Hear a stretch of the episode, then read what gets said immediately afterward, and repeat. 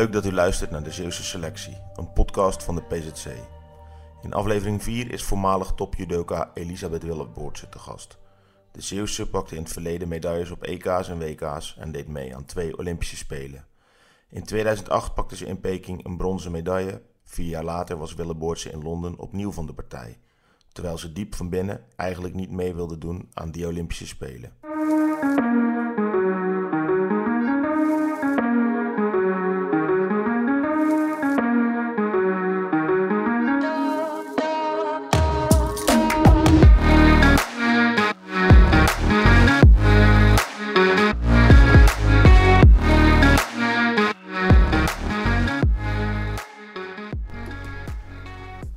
Elisabeth Willeborsen, dankjewel dat we bij je thuis mochten komen. Ehm, wanneer heb je eigenlijk voor het laatst een judopak aan gehad?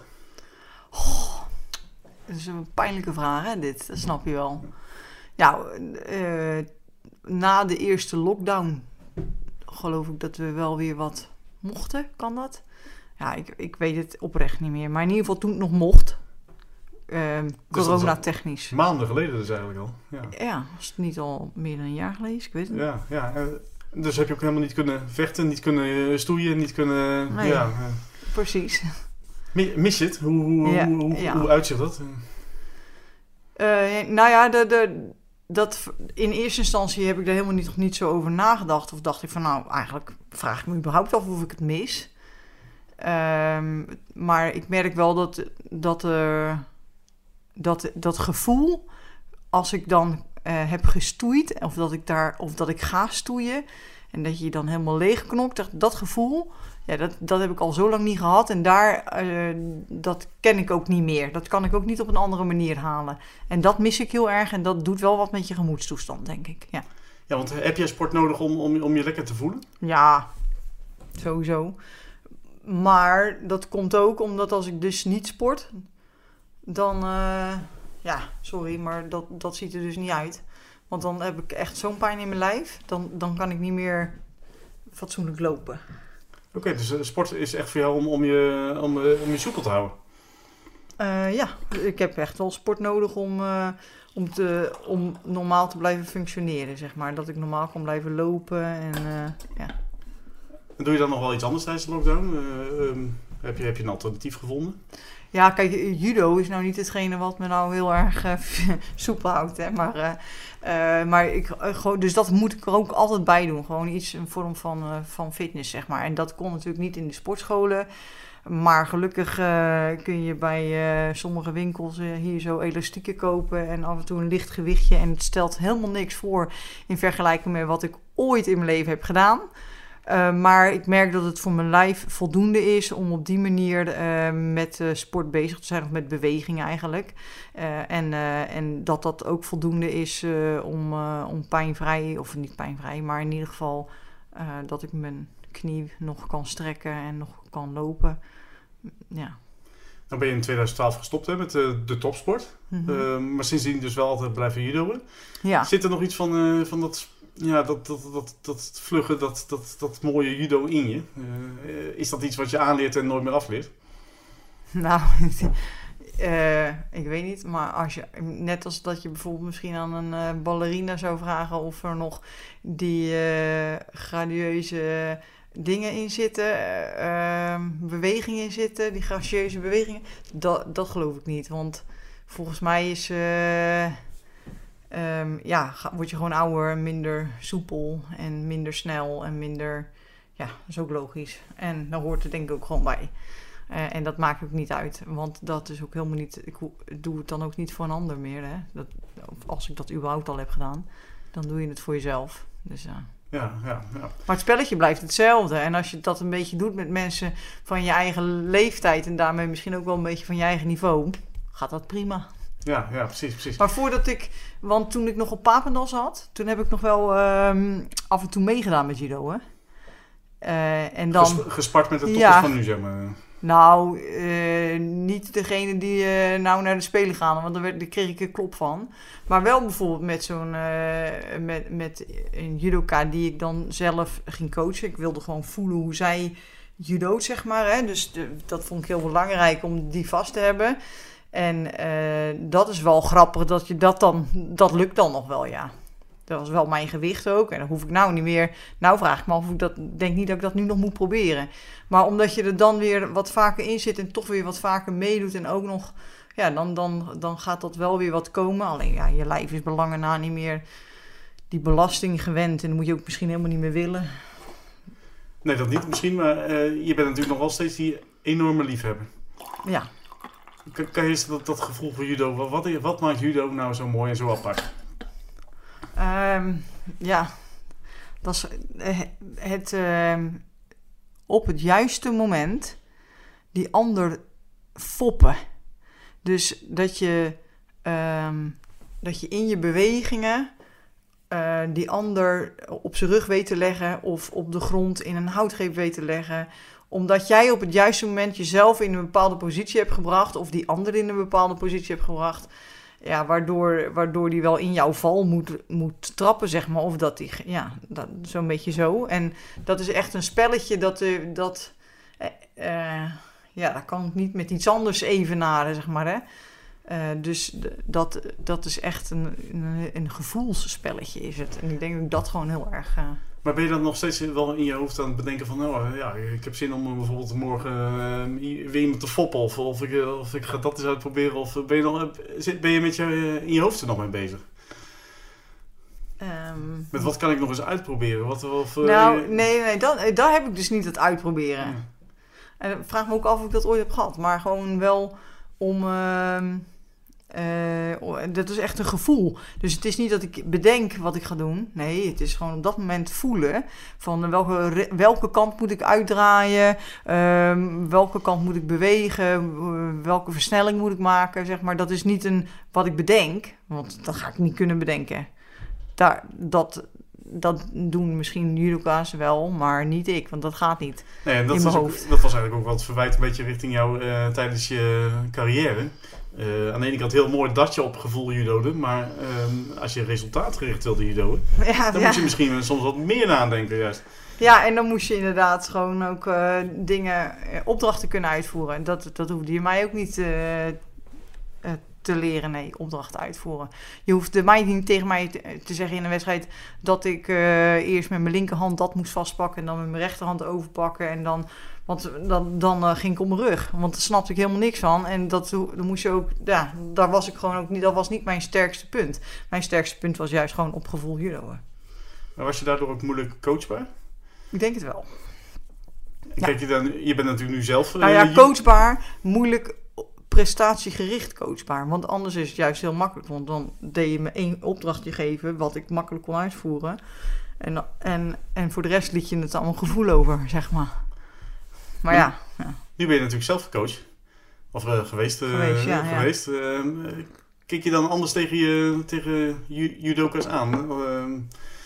tegen degene die juist wel opdrachten uitvoeren of die, die juist op gevoel. Uh, nou, het gekke is dat je dan inderdaad pas leert wat je zelf voor soort judoka bent geweest. Hè?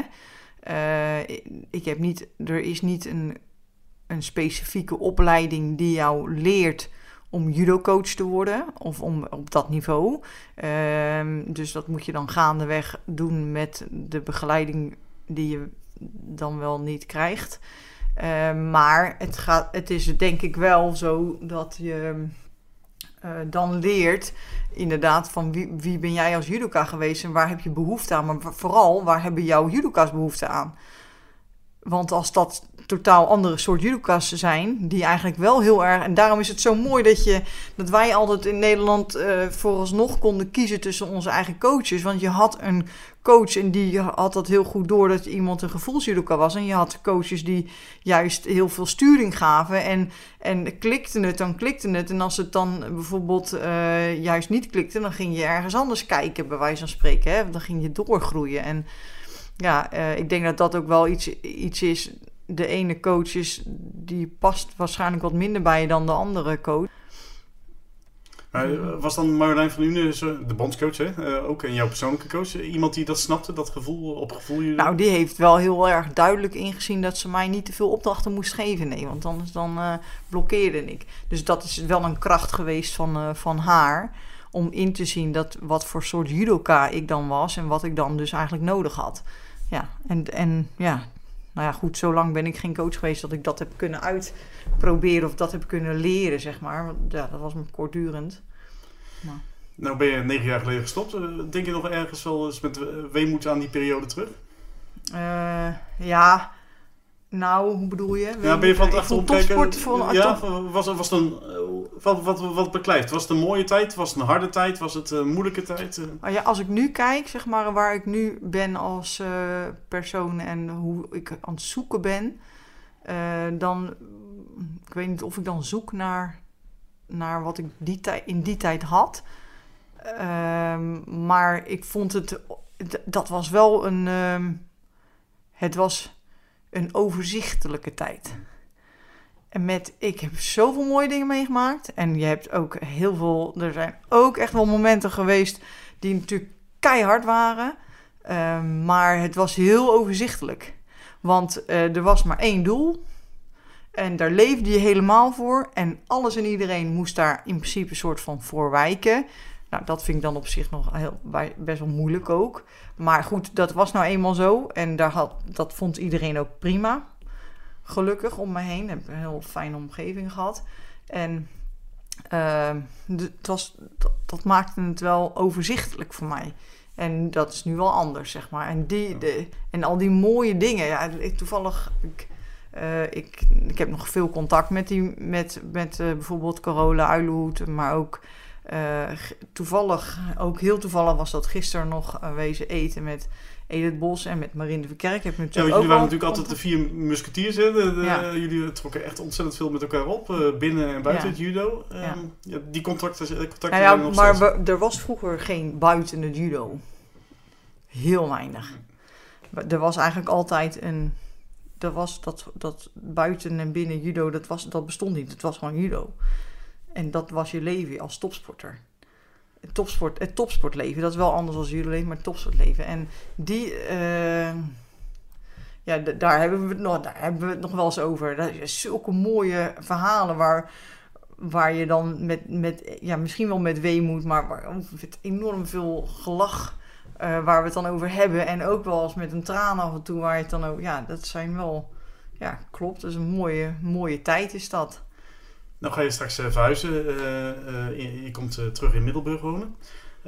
Wat hangt er aan je muur dat, dat je je herinnert aan, aan, aan die tijd? Ga je, hangt er straks ergens een medaille of een, een mooie foto? Of een, een, Dat was een goede vraag van jou. Want dat heb ik eigenlijk helemaal niet. nou, en dat heb ik eigenlijk ook de afgelopen jaren niet gehad. Nog steeds niet.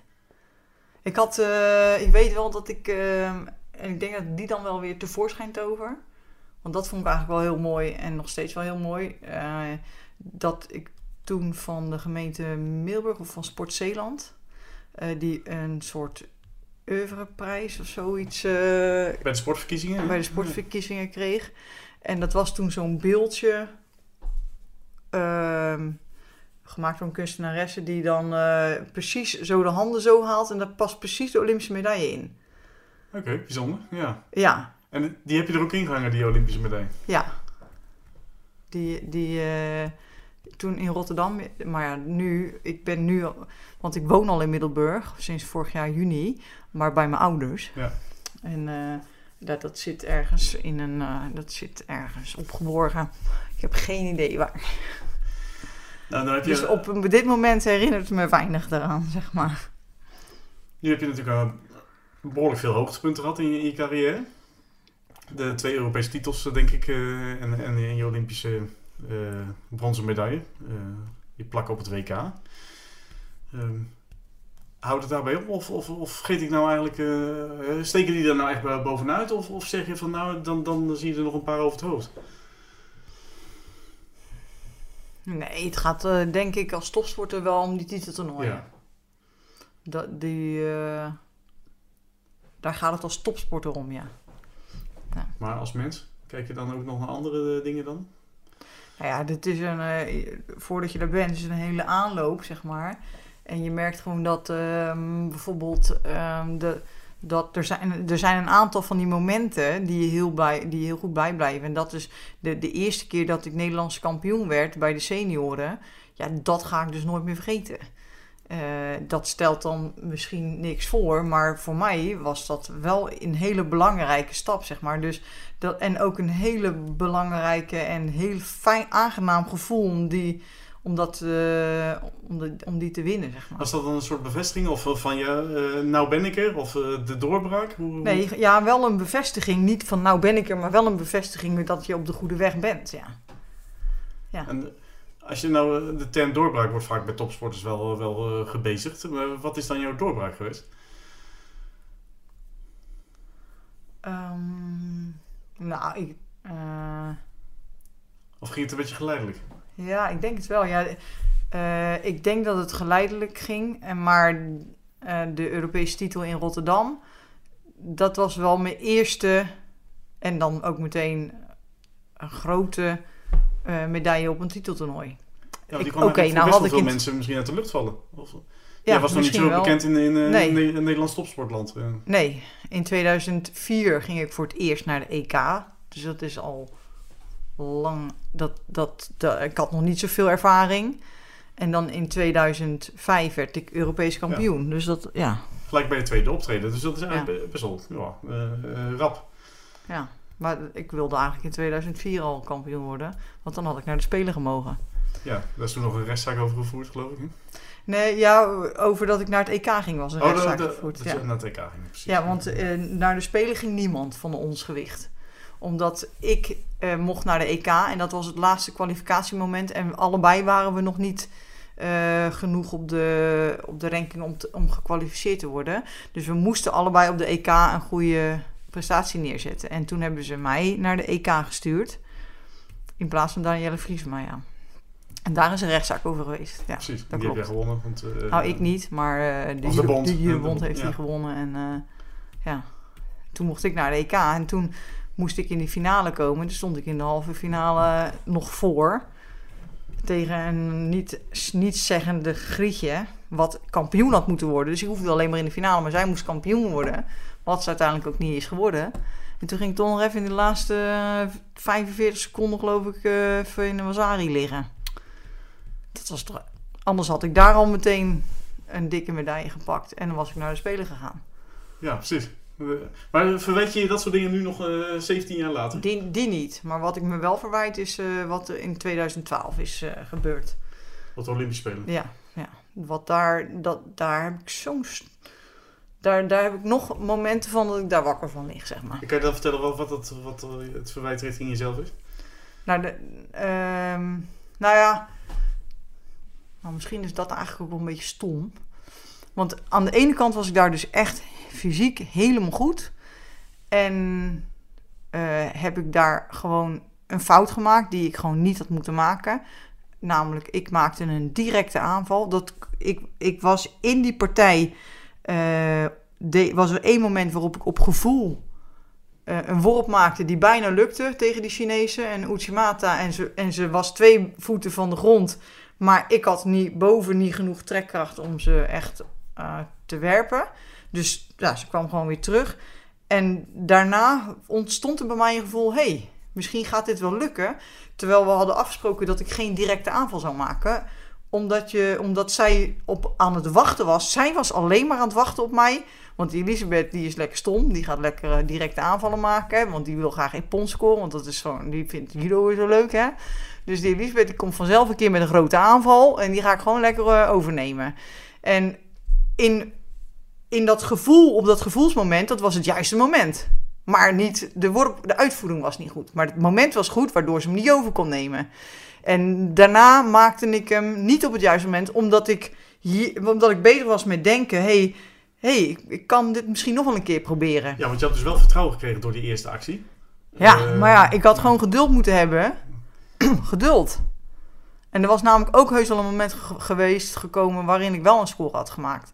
Want zij ging niet anders doen dan afwachten. En ik kon gewoon beter judoën. Dus er was, er was zeker een moment geweest waarop ik gewoon uh, wel een score had kunnen maken.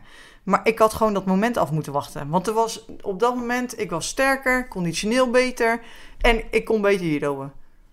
En, en zij was gewoon slimmer.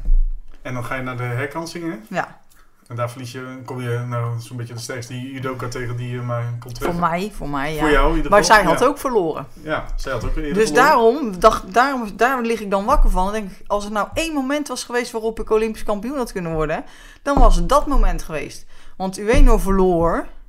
En daar had ik, ja, daar had ik gewoon nog nooit van gewonnen. Nee, dat was echt jouw En- ja, een soort van, ja, eigenlijk wel, ja. Daar had ik nog nooit van gewonnen. En die, daar heb ik, ja, ik vind linkse judoka sowieso moeilijk. En dan ook nog zo'n sterke, die eigenlijk ook alleen maar zo'n lage tai toshi doet. Waar ik gewoon, ja, ik kon daar gewoon echt helemaal niks mee. Maar goed, die kon je dus ontwijken. eh, Asjad. eh, Asjad- Ja, Asjad. nou, en toen kwam ik daar tegen. En toen ging dat ook nog eens supergoed. Dat ik vanaf begin één dacht... Oké, ik ga er gewoon vol voor en we zien wel. Tot bij minuut vijf dat ik dacht... Hé, hey, maar jij gaat me niet meer gooien. Nou, en prompt... eh, want eh, zo, zo ging het ook echt. En dat maakt het echt nog heel frustrerend. Dat, je, dat zij een actie maakt en dat ik gewoon blijf staan... omdat ik denk... Jij gaat me echt niet gooien, want het lukt je de hele tijd. Het lukt je al vijf minuten niet. En ik blijf gewoon staan dit keer. En eh, terwijl je gewoon normaal gesproken beweeg ik. Dan beweeg ik weg en dan is het goed. Dan was het helemaal goed geweest. Nee, ik dacht ik blijf gewoon staan, want het gaat toch mislukken. Dacht ik, want het lukt je al vijf minuten niet. Ja, dat is toch dat is echt zo dom en lomp. Ja, toen lag ik natuurlijk in de judo. Ja, en het is natuurlijk het hoogste podium. Hè? Ik bedoel, eh, Ja, eh, echt, je- houd je- erop. je- ja, goed. Maar En dan, je zelf, laatste dan zie je, ja, ja ook, ja. Ja, dat maakt het echt ook heel, ja, dat, dat maakt het ook wel, maar goed, het kon ook niet anders dan mijn laatste toernooi zijn, want ik, ik was echt moe met, van, die, van die twee jaar lang concurrentiestrijd, twee jaar hevige strijd gevoerd. Wat, wat echt absoluut niet in mijn natuur zit. Dat is echt zo. Het zit niet in mijn natuur om die, om die strijd te voeren. Ja, want het was constant discussie van eh, moet, jij of Annika van Emden... eh, Nou ja, eh, nee, we mochten naar heel veel toernooien met z'n tweeën. Ja. Maar ja, je mocht er dan met z'n tweeën. En het was dus constant eigenlijk proberen. Niet, ja, je, bent, je moet eigenlijk met jezelf bezig zijn. Maar onbewust weet je dat je gewoon hoger moet eindigen dan zij. En dat was gewoon niet. Dat, de, de, de- dat is echt niks voor mij. Nee. Want jullie konden wel goed met elkaar overweg, toch? Ja, eh, in, kijk, als mens is Annika gewoon een leuk mens. En een topsporter. En dat ben ik ook. Eh, en, en dat is niet hetgene. Het is niet dat, dat, we, dat we elkaar op dat vlak eh, niet mochten. Het is ook niet dat we bij elkaar de vloer plat liepen. Maar wij hebben ook samen in het team gestaan wat wereldkampioen werd. En eh, in dat damesteam wat in 2010 wereldkampioen werd, waarin we echt samen ehm, besloten hebben wie gaat wanneer judo. Niet, niet, niet zozeer wij echt, maar ook wel in overleg met eh, de bondscoaches. Maar wel echt van, nou Annika, eh, we gaan nu tegen Japan. Ik kan heel erg hard willen dat ik daarin sta.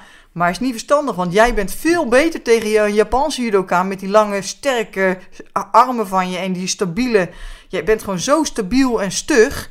Eh, en ik wil graag al dat judoën, met als gevolg dat ik gewoon altijd de knal krijg van zo'n Japanner. En jij gewoon altijd heel goed kan blijven staan en heel tactisch zo'n pot kan winnen. En dat deed ze dus ook. En dat was in de halve finale. En dan, dan ben je, ja, dan heb je er echt elkaar, zeg maar. Eh, en, eh, en dat konden we ook. En daar hebben we echt enorm van genoten. En we hebben enorm met elkaar gelachen. Ehm, nou, ze is wel echt een stuk jonger. Eh, en, en wij hadden natuurlijk de bende van vier inderdaad, wat je zo net al noemde. Wat elkaar, en daar, zij werd ook meegenomen als in, wij, wij hebben ook haar altijd heel erg ondersteund. Maar ja, goed, eh, dat, ze was er eerst nog niet, dus ze kwam erbij. Eh, later, samen met Jules was dat een beetje, weet je, die. Ja. Maar dan, dan ga jij naar de Spelen en zij niet. Eh, voel je dan ook nog eh, ja, die druk van ja, eh, Ja. eh, ik wel, zij niet. Ja, nou moet ik het echt helemaal laten zien. Ja. We waren ongeveer gelijkwaardig, Ja. maar ik mag. Ja. Ja, ik mag het misschien eigenlijk ook niet zeggen. Maar ehm, dat, het, was, het was geen opluchting dat ik gebeld werd dat ik mocht naar de Spelen. Dat was, een- dat was geen opluchting, nee. Dat was echt, dat was, als zij was gekozen, was wel een opluchting geweest. Zo, dat is wel een bijzonder eh, Ja. eh, moment dan? eh? Ja, ja, ja. Ja, het is nu gewoon negen jaar geleden. Dus nu op een gegeven moment vind ik ook wel dat ik denk, ja, weet je, dat, dat, he- dat hebben ook nog nooit mensen geweten. nee. Zeg maar, dat, dat is ook niet iets, want ehm, weet je, op een gegeven moment heb ik in 2010 een moment gehad dat ik dacht, ja, volgens mij deze concurrentiestrijd, die, dat is niks voor mij. Het is zo tegennatuurlijk. En daar heb, daar heb ik wel echt, ik heb twee jaar lang iets tegennatuurlijks gedaan. Ehm, en dat is echt heel zwaar, vind ik. En, en toen heb ik, ehm, voor mij was dat heel zwaar, laat ik het zo zeggen. Eh, en ehm, toen da- dacht ik eigenlijk al, ik, ik, zit, ik wil eigenlijk gewoon stoppen in 2010. Maar ja, er gebeurt dan. de- ik wist niet of het kon, want ik had een contract bij Defensie. Ik wist niet of ik daarom, al- als ik zou stoppen, of ik dan nog steeds wel mijn studie af mocht maken. Eh, want ik studeerde geneeskunde. Ja. Ehm, en als, ja, in, en in plaats van dat ik daar eens over na of dat ging uitzoeken, was ik gewoon bang dat, het, dat ik dat allemaal niet mocht en dat het, dat het me problemen zou opleveren. En ben ik doorgegaan en ga je jezelf inpraten dat je het echt wil. En ga je, ben ik dus ook zo overtuigd geweest. Want ik weet nog dat Kort tegen mij zei: Elisabeth, Ja. jij wilt toch wel echt, hè? Dat wij niet straks. Een bep- dat, die, dat deed hij in voorbereiding op al gewoon al überhaupt eh, eh, een keuze moeten maken. Dat was Ja. nog voor de keuze gemaakt werd. Nog dus, eh, voordat de keuze gemaakt Cor van werd. de Geest eh, aan jou. Toen, toen heeft hij echt in de. Omdat hij ook wel. Eh, ja, omdat hij wilde toch ook wel zeker weten dat ik inderdaad wel voldoende gemotiveerd was. En dan heb ik zo, heb ik die twee jaar lang, dat weet ik achteraf pas. Hè, dus ik wist dat op dat moment kon ik dat ook denk ik niet eens zeggen. Want nu achteraf, na een aantal jaren, dat je gewoon eh, terug gaat denken en dat je denkt, het, die gevoelens die ik had, die strookten niet met wat ik daar zei. Want ik voelde nog een druk. Dat ik denk, god, die leidersweg die gaat nog langer door. Dat, dat is wat ik voelde toen ik gebeld werd dat ik naar de Spelen mocht. wat Maar ik dan- moest daar blij zijn. Ik moest het daar, ik moest het ook opgelucht. Ik moest het daar, ik moest voor mezelf opkomen. Ik moest, ik, en en, en ehm, mijn inzet eh, op de mat en buiten de mat om, was helemaal prima. Daar lag het echt niet aan. Maar hier was ik op. Was gewoon moe. Ik, binnen, ja. ik, ik Ja. was gewoon hier ook in, in, mijn hoofd. eh, was ik op. Kon ik gewoon niet meer, zeg maar.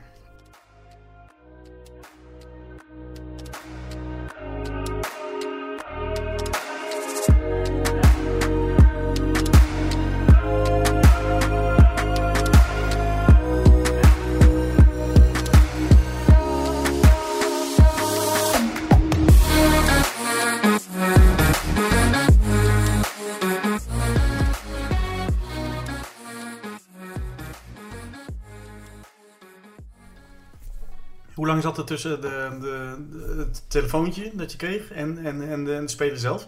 Was je toen wel weer ehm, oké, zeg maar? Was je toen wel weer... ehm, Nee, want dan, dan heb je die druk. Ja. Dat je het inderdaad ook wel wil bewijzen, zeg maar.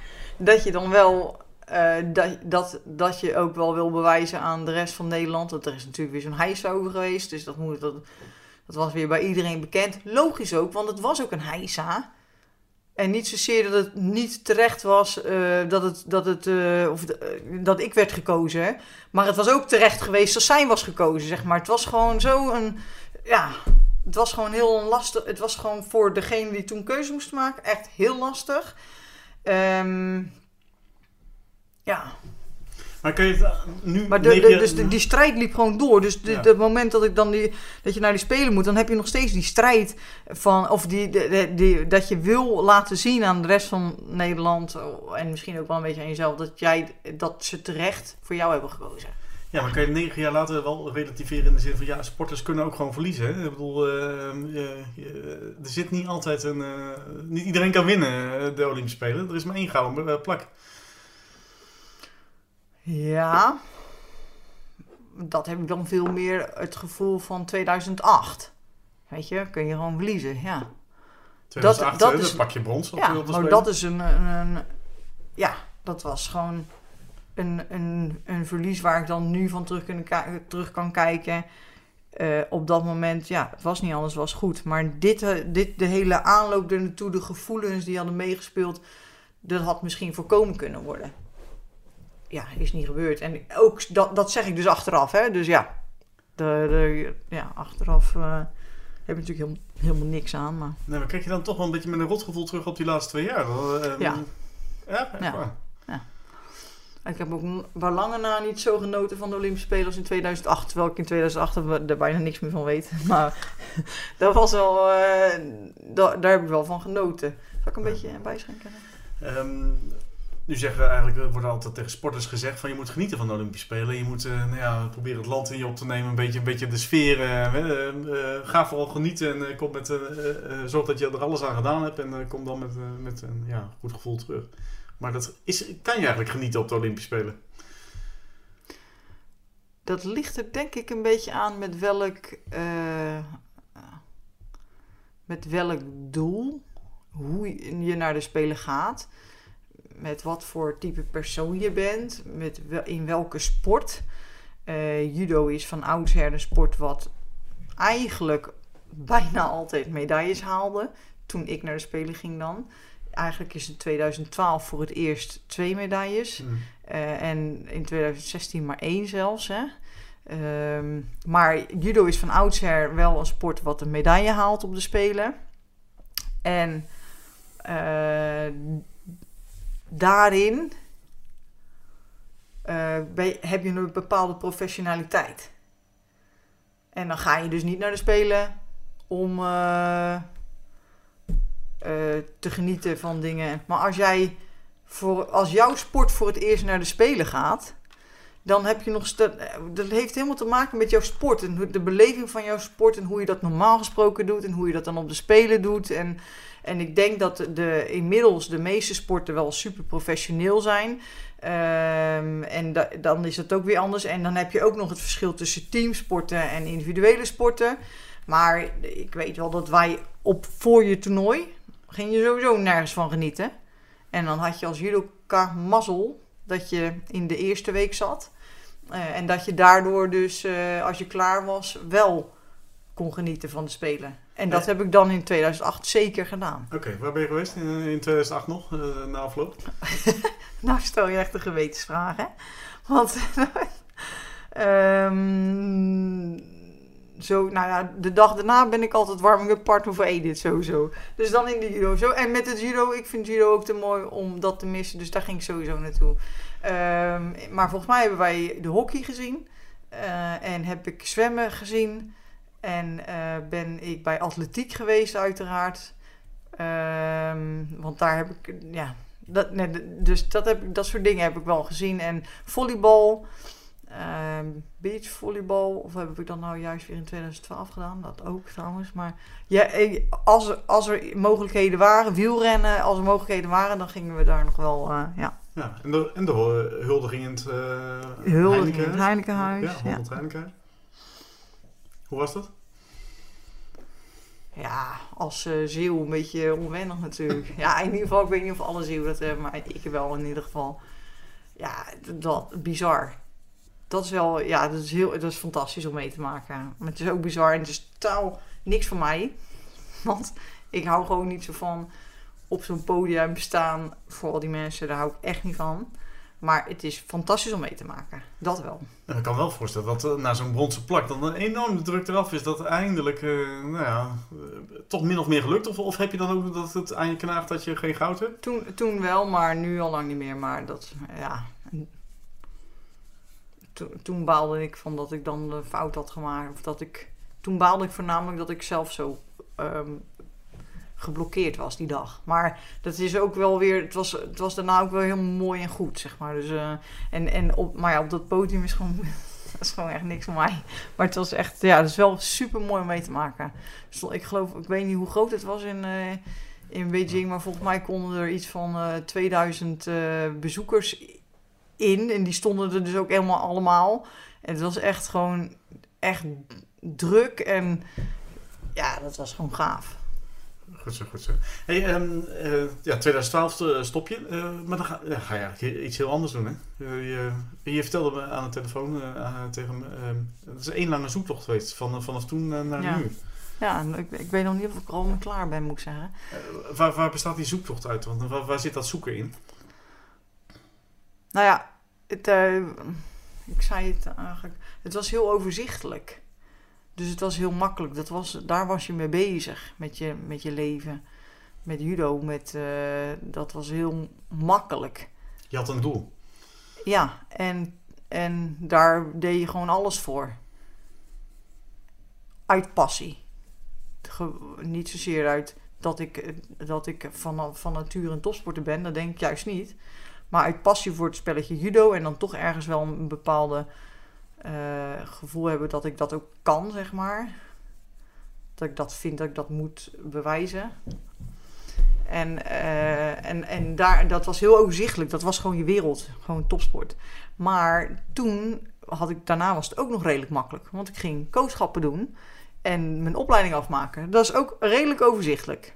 Heel anders. Ja. Echt heel anders. Heel druk, heel andere ja. gevoelens erbij. Maar heel overzichtelijk nog steeds. En daarna, sindsdien, is het gewoon... eh, Tijdens mijn coachschappen merkte ik het al. Dat ik denk, ja... je- Wat, ik vind alles leuk, maar niet alles nou zo leuk dat ik denk... Dit ga ik doen. Ja, nog steeds heb ik dat. Dat ik denk, ja... Want je hebt je, je artsendiploma gehaald. Ja. Je bent arts. Ik heb, ben, ik, ik heb in 2015, december 2015, ben, eh, ben ik afgestudeerd aan de Erasmus Universiteit. En in eh, 2016, in mei 2016, eerst zat ik gewoon thuis. Finaal met een beetje mezelf in de knoop of zo. Mhm. Dat is natuurlijk een luxe probleem, hè, want er zijn eh, echte problemen. Dit is geen echt probleem. Maar ik had er last van, dus ik zat met mezelf een beetje in de knoop. Ehm, en in mei eh, ging ik, omdat ja, je moet op een gegeven moment ook gewoon werken, klaar. Ging ik eh, bij het UWV eh, keuringsarts, werd ik. En eh, ja, dat, dat heb ik dan drie jaar gedaan. En dat was, dat was eigenlijk nou, met een half jaar dat ik, er ook nog, dat ik ook nog op reis ging, maar goed. maar toch drie jaar, zeg maar een soort van drie jaar gedaan. En toen dacht ik, ja, de, ja, Dit is het niet. Nee, dit is het niet. Wat ga je dan? Nou, terug naar de judomat, trainer, coach en opleiding worden. Bij Johan Cruijff eh, Academie? Eh, dat was de master in coaching. Maar dat is, dat is iets anders hoor. Dat is niet al- heeft, dat, ja, sportgericht, maar het is niet alleen maar om coach te worden eh, van topsporters, maar het gaat gewoon meer, veel meer over wie jij als coach bent, wat voor coach, coachingsvormen er allemaal zijn, zeg maar, hoe je dat kan inzetten. Ehm, en heeft niet zozeer met de, met de technische details te maken, maar veel meer met de mens. Eh, waar haalt iemand zijn drijfveer vandaan? Het is, ja, het is eigenlijk best wel het is heel interessant. Maar wel iets anders. En die opleiding deed ik dan eh, tegelijk met ehm, de, eh, de soort van ehm, werkzaamheden bij de Judebond. Daar was ik dan trainer, coach in opleiding, heette dat. Bij de Judebond op Papendal. Nou ja, en dat, dat, dat was het dus blijkbaar ook niet was ik ook nog steeds, eh, voelde ik, nou, daar, voelde ik me gewoon niet op mijn gemak. Daar voelde ik me gewoon niet lekker. En, Maar dat lag niet alleen aan jou, maar, of het lag aan jou en de bond? Of, of, nou, eh, sowieso, hè, als er eh, het ligt altijd aan twee personen, Ja. toch? Eh, dus eh, ja, ik zat daar gewoon niet op mijn plek. Nee. Ehm, en toen heb ik, ehm, toen kwam corona. Nou, ja. en, en nu ben ik nog steeds bezig met zoeken. Want nu, toen kwam corona, heb ik overstap gemaakt naar de oudere geneeskunde. Waar ik veel meer echt als arts bezig ben. Wat ik ook wel heel spannend vind, maar ook wel weer heel erg. Het is, ik vind het ook leuk. Ik vind het ook leuk, hè. Eh, Maar is, is dit het dan? Ik Eh, heb even- geen idee. Je gaat er best wel snel overheen, maar je, corona komt, eh, komt de wereld binnen. Ja. Dan denk je wel van, ja, ik heb een, een, een eh, medische achtergrond. Ik moet helpen. Ja, maar ook als ik geen medische achtergrond had gehad. En ik zou, net als dat ik toen zat, thuis komen te zitten met eh, dat je vanuit huis moest werken. Maar waarin je werkzaamheden, eh, omdat je niet fysiek op de mat stond, er heel anders uitzagen, had ik gewoon tijd over. En ik dacht, ja, sorry, maar volgens mij hebben we heel veel nood.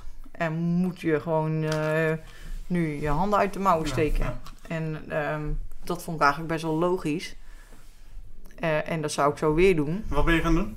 Eh, nou ja, ik had me eigenlijk ingeschreven bij zo'n website voor eh, het verlenen van hulp, boodschappen doen of zo, weet ik veel. Maar ik werd, mijn profiel stond wel ook in dat ik arts was. Want je moet dan je cv ook inleveren. Waarom maar heel weten, maar goed. En toen belde er een manager op van, van een verpleeghuis in Capelle aan de IJssel. Of ik niet als basisarts daar vrijwilligerswerk wilde doen. Dat vond ik natuurlijk vet spannend. Ja. Want ik dacht nog, oei, dit, eh, ga, nu moet ik ineens klinische dingen gaan doen die ik echt al sinds mijn kooschappen niet meer heb gedaan. Ik weet niet of ik dat nog wel kan. Dus dat heb ik ook eerlijk gezegd. Ik zeg, joh luister, ik zeg, ik werk al drie jaar bij het UWV als keuringsarts. Dat is echt totaal iets anders. Ik zeg, en ik heb uh, kooschappen gelopen en ik heb helemaal geen ervaring. Niet in het ziekenhuis voor de rest of niet als basisarts gewerkt ergens anders als bij het UWV. Ik zeg dus, ja, dit haal je binnen dan. En ja, ja, ik wil helpen. Als het jullie helpt, dan wil ik graag helpen. En nou, ze waren ook, uh, ik heb daar gesprekken gevoerd dan met de specialist oudergeneeskunde, voor wie ik dan heel specifiek uh, mensen zou gaan beoordelen met verdenking op corona of mensen die al corona hebben. Om te kijken in hoeverre we ze nog comfort konden bieden of behandelingen konden bieden. Dus heel specifiek wel gericht op corona, omdat zij zelf uh, een beetje kwetsbaar was qua gezondheid. En uh, ja, daar heb ik een heel goed openhartig gesprek mee gehad. En ze zei ook meteen, ja, dat is het voordeel dan ook wel weer. Wij weten als topsporter ook wel dat je gewoon met de billen bloot moet. Want als je dat niet doet, dan word je toch finaal afgemaakt. Dus dat was voor mij ook helemaal niet moeilijk om met, met de billen bloot te gaan. Dan zei ik ook, ja, dit is wie ik ben. Uh, weet dat je dat dan in huis haalt. Ik zeg, ik heb liever dat je even mij beoordeelt op de dingen die ik, hoe ik ze doe. En, en, en als jij zegt van, nou, dat kun je wel, dan heb ik ook al wel vertrouwen in. Nou, en zo zijn we een paar patiënten afgegaan. Toen zei ze, nou meid, dat kun je wel. Gaan je, kwam, je kwam gelijk in de frontlinie terecht dus, hè? De, de... Ja, in het verpleeghuis, ja. ja drie, uh, drie maanden heb ik uh, tweeënhalve dag ongeveer in de week gedaan. Tweeënhalf, drie dagen zeg maar, of drie keer zes. Of uh, heb, ik, heb ik daar gewerkt inderdaad. Met van die beschermende pakken aan? nou, die waren er dus niet. Oh, okay. Ja, um, gelukkig... Want in, in, eerste instantie zeiden ze dat inderdaad. Ja, hou er rekening mee. We hebben geen beschermingsmateriaal. Dat was echt heel heftig. Want we hadden dus ook dat er mensen gingen overlijden. Dat ik weet het nog. Het is zo goed. Er, gingen mensen overlijden. En dan, dan, dan belde je met familie. En dan zeg ik, ja, luister, ik zeg, u mag langskomen. Maar het is op eigen risico. Er, hij, uw familielid is positief getest. Dus, dus corona. Komt te overlijden aan corona. En we hebben voor u geen beschermingsmateriaal. Want we hebben echt niet, er wordt in het verpleeghuis niet genoeg geleverd. Dus we hebben echt, uh, we hebben niet voldoende, we kunnen het u niet bieden. Dus als u komt, dan is het op eigen risico. U kunt bijvoorbeeld bij de Gamma, zeiden we dan, uh, of bij, de, bij een bouwwinkel een, uh, een, een bril halen, een, een spatbril en, en, en daar ook nog wel een stofmasker halen.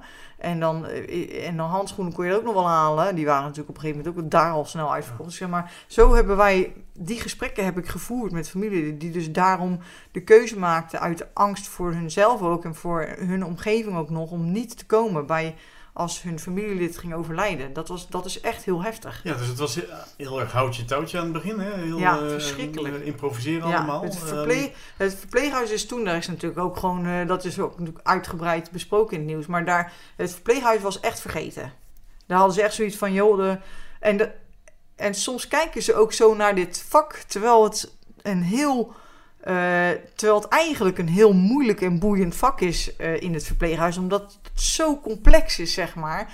Maar, maar ja, uh, er wordt altijd een beetje op neergekeken. Ja. En dat slaat eigenlijk, dat, dat slaat eigenlijk totaal nergens op. En als je ziet hoeveel daar problemen mee zijn geweest, maar ja, dan vinden ze, ja, het zijn oude mensjes, dus ja, die hebben dan blijkbaar geen recht meer. Maar hoe reed jij dan s ochtends naar zo'n naar verpleeghuis toe? Hè? Van, uh, uh, ja, toch een beetje met van, hoe, ja, straks loop ik het vandaag op. Ja, maar ik woonde toen gewoon in mijn eentje in Rotterdam. En toen hadden we ook nog allemaal het idee dat je als je jong en gezond was, dat je er geen last van kon krijgen. ja, dat was natuurlijk niet zo, dat wisten we. Dat begon een beetje te komen, zeg maar. Maar ehm, ik vond dat niet een reden om dan je van je eventuele verantwoordelijkheden weg te lopen. Terwijl ik wel makkelijk, terwijl ik heel veel, ik heb moeite met verantwoordelijkheden. Maar als je dan eenmaal in zo'n situatie, vond ik dat dus niet moeilijk. Dat vond ik gewoon, ja, Dat is dus, dat is dan zo. Ja, de plicht Dat is dan- eh, riep dus. eh, Ja, ja, dat is dan zo. En vervolgens eh, kom je naar Zeeland en het wordt het toch gewoon je beroep. Nou ja, uiteindelijk is, da is dat ik daar ben begonnen, heeft me ook wel doen beseffen, oké, nou goed, hier voel ik me in ieder geval al meer op mijn plek dan eh, in de functie die ik toen aan het doen was bij de Judebond. Dus ik voel me hier, voel ik me echt wel prettiger. Ik zit prettiger in mijn vel. Ehm, en dat heeft me wel doen besluiten. Dan, toen zei ik, nou, dan gooi ik het roer helemaal om. Eh, dan ga ik gewoon eh, terug naar Zeeland. Dan ga ik, en dan ga ik daar een baan zoeken. En in de verpleeghuizen is er gewoon eh, echt chronisch tekort aan alles. Dus eh, Dus werk je nou in Goes bij Terwil. ja, bij Zorg op de Wil. Ja. Eh, Part-time geloof ik, maar wel... Vier dagen, vier dagen, Vier ja. dagen in de week. Ja. Ja. Wat, wat kom je daar tegen? Merk je inmiddels dat het wel wat verlichting is? Ja, dus ik ben daar dan gekomen tussen de eerste en de tweede golf in, in juni vorig jaar. En ehm, eh, daar toen waren de verpleeghuizen alweer wat beter bezet. En eh, eh, de eerste golf heeft eh, in Terwil op de locatie, of ja, op de afdeling waar ik uiteindelijk ook te werk ben gekomen, zeg maar, de, ook veel slachtoffers gegeven. En, en ook heel veel zieke medewerkers en nou ja, ook langdurig zieke medewerkers. Daardoor het was ook heftig, alleen dat heb ik niet meer echt meegemaakt. Hm. Dus wat ik daar aantrof was wel een beheersbare situatie waarin we wel constant bezig waren. En ik, ken, ik kende ook niet anders. Hè? Dus je constant bezig waren met werken met persoonlijk beschermingsmateriaal. Ehm, wat natuurlijk totaal gek is voor, voor van die demente mensen. Die, ja, een, be- een beetje glimlachen doe je misschien ook wel met je ogen, maar toch meer met je mond, denk ik dan. Eh, en dat is wel iets wat voor het welzijn van de cliënten echt eh, niet, niet goed is geweest. Al die, en, dan, en dat ze dan in isolatie moesten. Het is Want het was Heel niet uit erg- te leggen ook aan ze. De- Nee. nee. aan een demente gaan uitleggen. En nu, je merkt wel dat als je dan dit een jaar doet, dan zijn die mensen heus wel gewend dat jij eerst je handschoenen gaat aandoen voordat je ze aanraakt. Maar, maar het blijft iets heel eh, onnatuurlijks en, en in het begin heel, dat heeft in het begin er wel echt ook ingehakt in het welzijn van de mensen. En datzelfde geldt voor andere doelgroepen aan wie je dit soort dingen niet kan uitleggen. Eh, dan met die mondkapjes of dat ze op de kamer moeten blijven. Oh, wat een. En nu, weet, nu gaan we dat gewoon ook niet meer doen. Dat- Iedereen is ingeënt inmiddels? Of de meeste, Iedereen is ja. ingeënt. En eh, degene die willen dan in ieder geval, ieder, Ja. die zijn allemaal ingeënt. En je merkt ook gewoon, nu gaan we dat niet meer doen. Het is echt zo verschrikkelijk als je mensen die de mens zijn op hun kamer zet waar ze niet af mogen en dat ze aan het roepen zijn, aan het bonken, aan de deur aan het trekken. Het is verschrikkelijk. En dat je ze niet kan geruststellen, omdat er ook heel veel angst is. En, en, en angst terecht, want er zijn dus echt wel heel veel zieke medewerkers, ook jonge, jonge medewerkers die ernstig ziek zijn geworden. Ehm, ik weet niet of er ook, dat weet ik niet of dat ter wil dat ook heeft gehad, maar dus, dus het is ook terecht dat die angst er is, hè? ook om het te verspreiden, want het verspreidde zich als een, als een malle over die afdelingen. Maar het is toch onmenselijk. Het is echt. Ja, je hebt het van dichtbij gezien natuurlijk. Hè? Eh, de- heel veel mensen Ja, en nou, natuurlijk- maar luister, ik ben arts. Dat is echt nog wel even anders als wanneer je verzorgende bent. En die, als er, nou, en als er nou mensen zijn die echt in de frontlinie hebben gestaan, zeg maar, dan zijn het wel die mensen die altijd aan het bed staan, altijd de verzorgende die die mensen wassen en die, die, die zeg maar zorgen voor het welzijn van de bewoners, zeg maar. Hè? Naast de, de zorgtaken ook het welzijn van de bewoners in acht nemen. Die, die mensen, nou, die hebben echt wel zo. Die hebben echt wel te lijden gehad. Om, die doen dat. Die, je kiest niet om in de zorg te gaan als je daar niet geschikt voor bent. Als je niet vanuit je, je hart een zorger bent. Kijk, als arts dan kom je ergens langs en dan bepaal je het beleid. En dan vind je het ook erg en daarna ga je weer weg. Maar je hebt niet 24 uur eh, iemand die aan die deur staat te bonken en te roepen. Dat heb je niet. Dat Maar zie je, niet. Je kan meer afstand nemen wat dat betreft. eh. Ja, ik denk, ik, Ja. ik denk dat je als arts meer afstand kan nemen. En dat moet ook, want je, moet van je kunt niet bij één patiënt, je hebt juist meerdere, maar die patiënt blijft wel op die afdeling. En ik zit niet op die afdeling. Ik ga van die, die afdeling naar de andere afdeling, naar weer de andere afdeling. En uiteindelijk ga ik alles uitwerken, zeg maar, een soort, van op, op, een, op een soort kantoor. Want die, je hebt verschillende, je hebt een soort centrale plek waar je dat dan doet. Waar je niet met mensen, met die bewoners bent. Dus ja, dan, heb je, dan is er die afstand. Dat is nou eenmaal zo. Maar als je echt aan het zorgen bent, nou, dat is niet te doen. Dat is niet te doen. Nu, nu heb je een tijdje net over, over, met passie over judo gesproken, maar ik, ik hoor je er ook met, wel met passie over het, het, het, eh, het zorgen spreken. Hm. Oké. Zie je dat zelf iets minder? Ja, ik weet het eigenlijk niet. Daar heb ik eigenlijk nog nooit zo over nagedacht. Ik, waar, ik, weet waar, ik, waar, ik, wel een, uh, soort rode draad in zie. Kijk, na, na je judo-carrière ben je ook uh, met een stichting begonnen, Judo to Inspire. Ja. Je hebt een, een fantastische actie opgestart voor uh, kinderen uit achterstandswijken in, in Rio de Janeiro. Dat heb je vijf, zes jaar gedaan. Ja. Um, je hebt altijd wel het gevoel gehad van ik moet iets terug doen. Ik moet iets, dat, dat omkijken naar anderen. Dat, dat zit wel ergens in je. Ja, ja, dat is denk ik ook wel de vraag. Is dat, ik, ik, voor mijn gevoel doe ik dat omdat ik ook inderdaad iets terug wil doen. Uh, maar anderzijds is dat ook een beetje je karakter natuurlijk. Dat je wel uh, wil zorgen voor andere mensen. En dat, dat ik dat ook belangrijk vind. Dat vind ik ook. Ik vind het, het zorgen voor andere mensen, voor de mensen die het niet zo goed hebben. En, uh, als wij, ja, dan, moeten, dan vind ik dat we daar gewoon voor moeten zorgen. Weet je, ik bedoel ja, niet iedereen heeft de mogelijkheid om, om arts te worden, om te studeren. Of, eh, dat, dat is nou eenmaal zo. En ja, dan heb je die verantwoordelijkheid wel een beetje.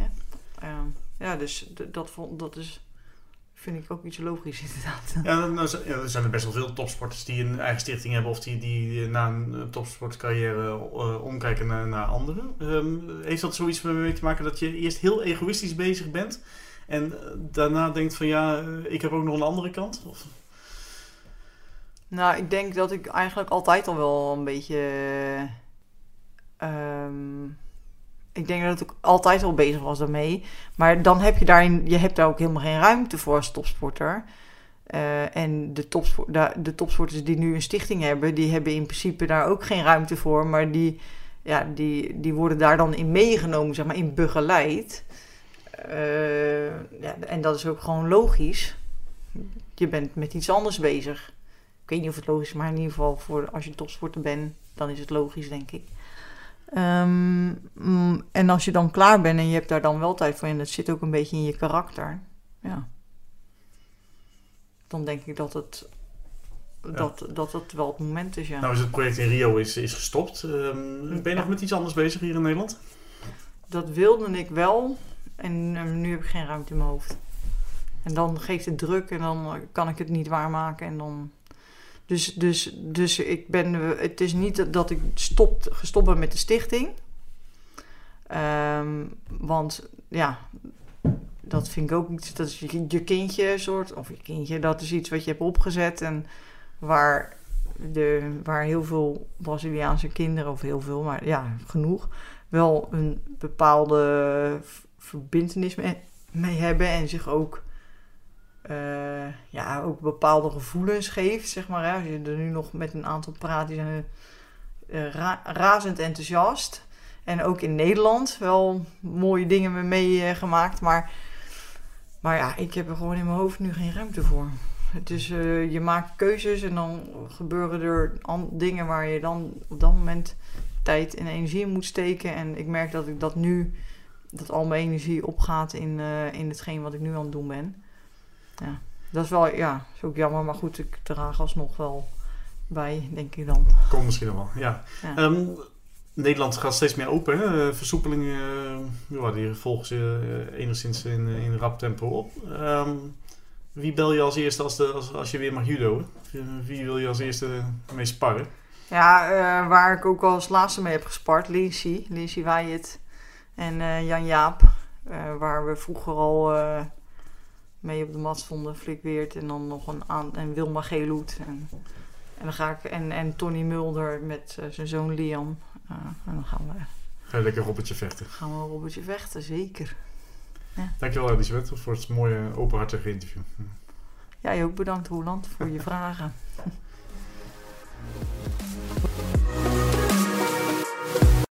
We worden dagelijks overladen met overbodige informatie. En het is moeilijk de zin van de onzin te scheiden. Daarom vertrouw ik op echte journalisten in plaats van meningen.